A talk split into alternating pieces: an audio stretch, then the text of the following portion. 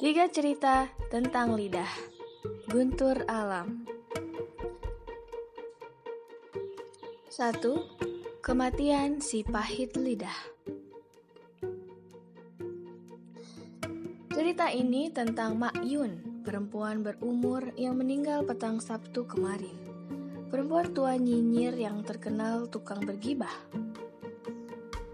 Gosip apa yang hendak kau tanyakan? Perihal Mang Akem yang baru saja berbini dua, atau tentang Bi Inar yang telah pisah ranjang selama tiga purnama dengan lakinya gara-gara cemburu buta. Mungkin pula kau hendak tahu desas-desus yang beredar mengenai Mang Mahmud yang kaya mendadak di Tanah Abang. Oi, tak ada berita yang tak diketahui Mak Yun. Bila kau dengar cerita darinya lengkap dengan rumor yang tak jelas benar atau salah, asli ataukah telah ditambah-tambah biar sedap, kau akan berkata penuh mufakat. Alangkah rincak lidah perempuan tua ini menyusun cerita. Tapi bagaimana bila kini ia yang diceritakan orang-orang di Tanah Abang? Inilah yang tengah ramai dibicarakan orang-orang sedusun Laman tentang kematian Makyun akibat lidahnya. Konon dari desas-desus yang beredar, sepekan sebelum meregang nyawa, Makyun mengeluh lidahnya mencecap rasa pahit yang bukan kepalang. Liurnya terasa seperti wali, tanaman obat yang rasa pahitnya Allahu Rabbi. Pening alang perempuan tua itu mencari obatnya, Menegak bergelas air putih, tak mentawarkan rasa pahit itu. Bersendok gula pun tak dapat menghilangkannya. Telah berpuluh rumah dukun kampung ia sambangi. Sampai-sampai Mak Yun pun menanggalkan keyakinannya yang enggan menjejakkan kaki di puskesmas lantaran ia tak percaya akan kemujaraban jarum suntik dan obat-obat pahit beraroma asing. Tapi Tak satu pun yang dapat membuat lidahnya kembali seperti semula. Dan petang Sabtu yang naas itu, orang-orang dikejutkan oleh lolongan anak bujang bungsu Makyun yang menemukan perempuan tua nyinyir itu mati bersimbah darah dengan lidah telah terpotong oleh pisau. Desas-desus beredar, Makyun memotong lidahnya sendiri karena tak tahan ada pula yang mengatakan ini pastilah azab dari Allah karena Makyun senang menggibah aib orang. Entahlah.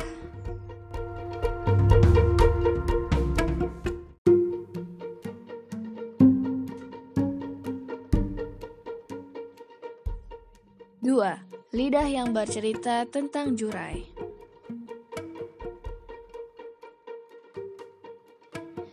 Ebakmu telah mati. Itulah kata-kata emak yang ia ucapkan di pagi kelabu padaku berpuluh tahun lalu itu.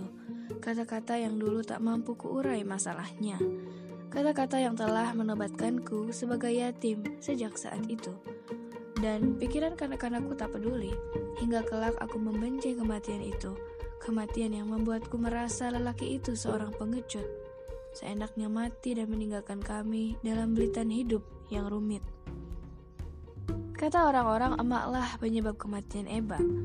Emak menyambangi dukun ilmu hitam di, sudun, di dusun seberang dan memintanya merajam lelaki pengecut itu dengan ilmu setan. Hah, asal saja mulut orang-orang menganga. Tidak tahukah mereka kalau perempuan kampung berkulit legam itu sangat mencintai Eba. Berkali ia bertaruh nyawa, memerahkan paha, mengejarkan anak-anak si lelaki pengecut. Kalau bukan cinta, disebut apa itu? Pun ketika si lelaki pengecut itu menikam jantungnya dengan sebuah pengkhianatan, pengkhianatan yang membuatnya tak bisa menangis lagi sejak itu sampai sekarang, dan pun ketika lelaki itu mati di pagi kelabu.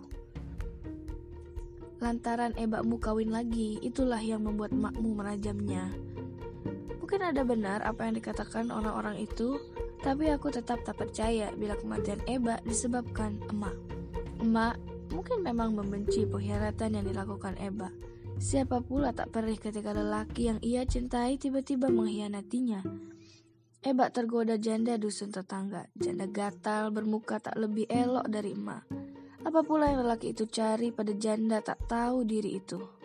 Hah, sudah pasti hanyalah masalah birahi.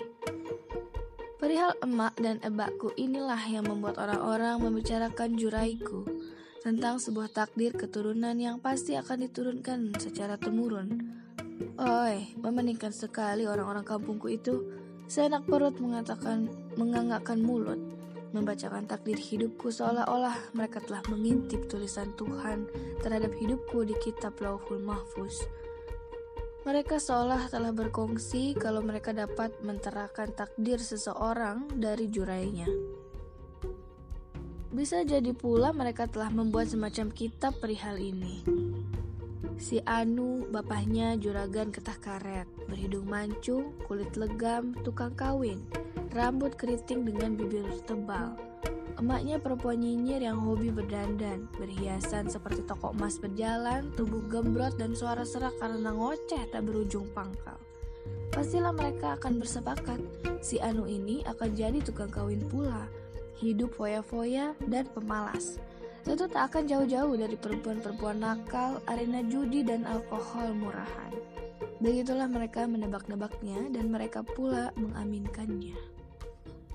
Itu pula lah yang orang-orang dusun bacakan akan nasibku. Ebaknya mati muda berbini dua, sedang emaknya perempuan berkulit legam yang keras hatinya. Pastilah ia akan mati muda pula, doyan perempuan. Nah, nah, tengoklah parasnya yang bulat, sempurna seperti ebaknya, tak bersisa, tak berbeda. Caranya berjalan pun persis sama, berjinjit seperti jijik. Ih, pastilah ia akan mati muda dan berbini dua. Sialnya, ebaknya Halimah, pacarku itu, mengaminkan pula omongan orang-orang dusun itu. Lantaran jurai ini pula lah calon bertoko itu menolak mentah-mentah niatku mempersunting anak perawannya. Brengseknya, Halimah serupa gadis-gadis di dusunku. Tak berkutik akan apa yang ebaknya utarakan seolah hendak berbakti atau mungkin pula Halimah mendadak ngeri, membayangkan akan kumadu lalu menemukan diriku mati di pagi kelabu. Lantas ia menjadi janda seperti yang orang-orang ceritakan akan juraiku. Gadis pujaanku itu pun tiba-tiba tak mau aku temui, berkurung di dalam bilik menghindar bila hendak kujumpai. Inilah yang membuat aku membenci ebakku membenci kematiannya, membenci perihal dirinya yang berbini dua. Lantaran semua itu membuat lidah orang sedusun Tanah Abang menceritakan betapa buruk juraiku. Seolah-olah lidah mereka yang menuliskan ceritakan tentang hidup dan matiku. Aku benci, benar-benar benci mendengar lidah-lidah itu bercerita tentang juraiku.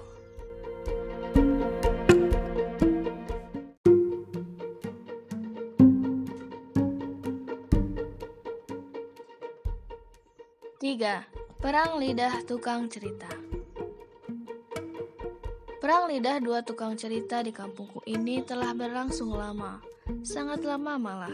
Orang-orang pun mulai lupa kapan tepatnya perseteruan memuakan itu dimulai. Siapa yang menabuh genderang duluan juga tadi ingat orang-orang. Pertempuran itu kembali hangat diingatan orang-orang petang ahad kemarin. Dua lawas itu dihangatkan di toko kopi Mang Sahlan antara Cik Lam dan Cik Mim. Dua tukang cerita yang sesungguhnya begitu kami sukai. Muasalnya dimulai ketika Mang Han yang memuji-muji Cik Lam Lantaran tukang cerita bertubuh gempal dengan paras yang masih rupawan di usia menjelang senjanya itu, baru-baru ini diajak kades lamit ke Muara Enim memenuhi undangan Pak Bupati untuk bercerita dan mengumpulkan kisah-kisah rakyat yang hendak diarsipkan. Oi, Mang. Mekar hidung orang Tanah Abang tengok Mak Lam ada di TVRI, duduk di kursi depan dan ditanya-tanyai. Cila mengangkat sedikit dagunya begitu mendengar ucapan Mang Han. Lanang-lanang yang mencaungkan kaki di bangku kayu panjang di toko kopi Mang Sahlan itu pun berdengung-dengung. Menimpali kata-kata Mang Han, kian kempas-kempis saja hidung mancung Cila mendengar semua itu. Ceritakan Mang, apa yang ditanya-tanya Pak Bupati dan orang-orang di Muara Enim. kita hendak dengar langsung dari Mamang, Pinta Mang Jami yang diaminkan lanang-lanang lainnya. Cik Lam menegakkan dadanya, baru saja mulut lelaki itu hendak berucap, mendadak saja Cik Mim menyambarnya.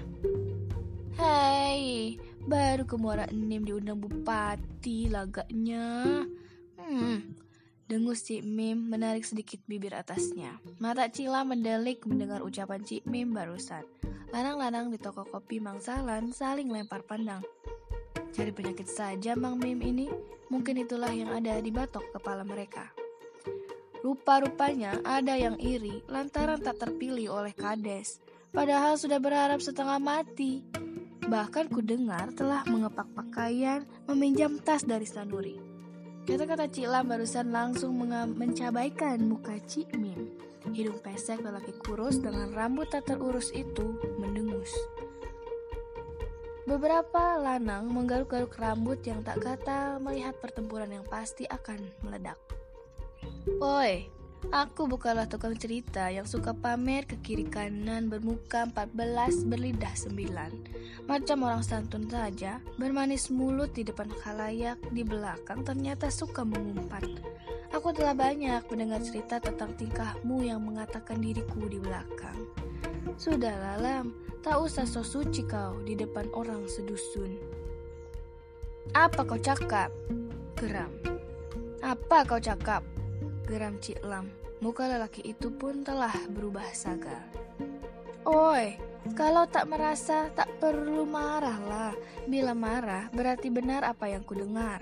Cik Lam tergagap mendengar kata-kata Cik Mim itu. Ia yang tadi berdiri dari duduknya, pelan-pelan mendudukkan kembali pantatnya. Jaga lidahmu, Mim, desik Lam menahan geram yang menggorok-gorok batang lehernya, menusuk-nusuk jantung hatinya. Dengungan keributan itu terdengar ke seantero dusun, diterbangkan angin yang senang berbisik, dialirkan mulut-mulut yang tak dapat dikunci. Hingga berita pertempuran lawas yang tak kenal jontrong itu pecah kembali hingga di limas kami. Kau dengarlah itu bujang, ujar kejutku emak dari bapakku yang tengah mengunyah sirih. Kelak, bila kau benar-benar telah jadi tukang cerita, janganlah kau tiru tua-tua bangka bau tanah tak tahu diri di tengah dusun itu. Aku mengeritkan kening mendengar ucapan kejutku itu. Apa hubunganku dengan para tukang cerita yang tengah berdua lidah di toko kopi mangsahalan itu? Seorang suka mencari-cari kesalahan yang lainnya lantaran ini dengki, sebab merasa kalah sinar dengan yang lainnya. Seorang lagi suka pamer sana-sini, membuat yang lain merasa tersisih. Sama-sama tukang mengumpat di depan belakang, sayang saja dua tua bangka itu tak bercermin bersama-sama. Kalaulah mereka berkaca bersama, dapatlah mereka tengok, lidah keduanya sama saja bercabang macam ular. Aku senyap dibuatnya, sejatinya aku menyukai cerita keduanya. Ingatlah bujang, Rajut membetulkan susuran sirinya. Bila ada perang dua tukang cerita, tak usahlah kau jadi pendengar salah satu ataupun keduanya. Bila itu kau lakukan, alamat kau akan terseret ke dalamnya. Lebih baik kau tulis saja cerita tentang mereka, biar mereka sadar. Alangkah memalukan yang mereka lakukan. Mereka tak tahu saja, lanang-lanang di toko kopi itu tengah mencibir mereka dan mengolok-olok di belakang. Aku tercenung mendengarnya.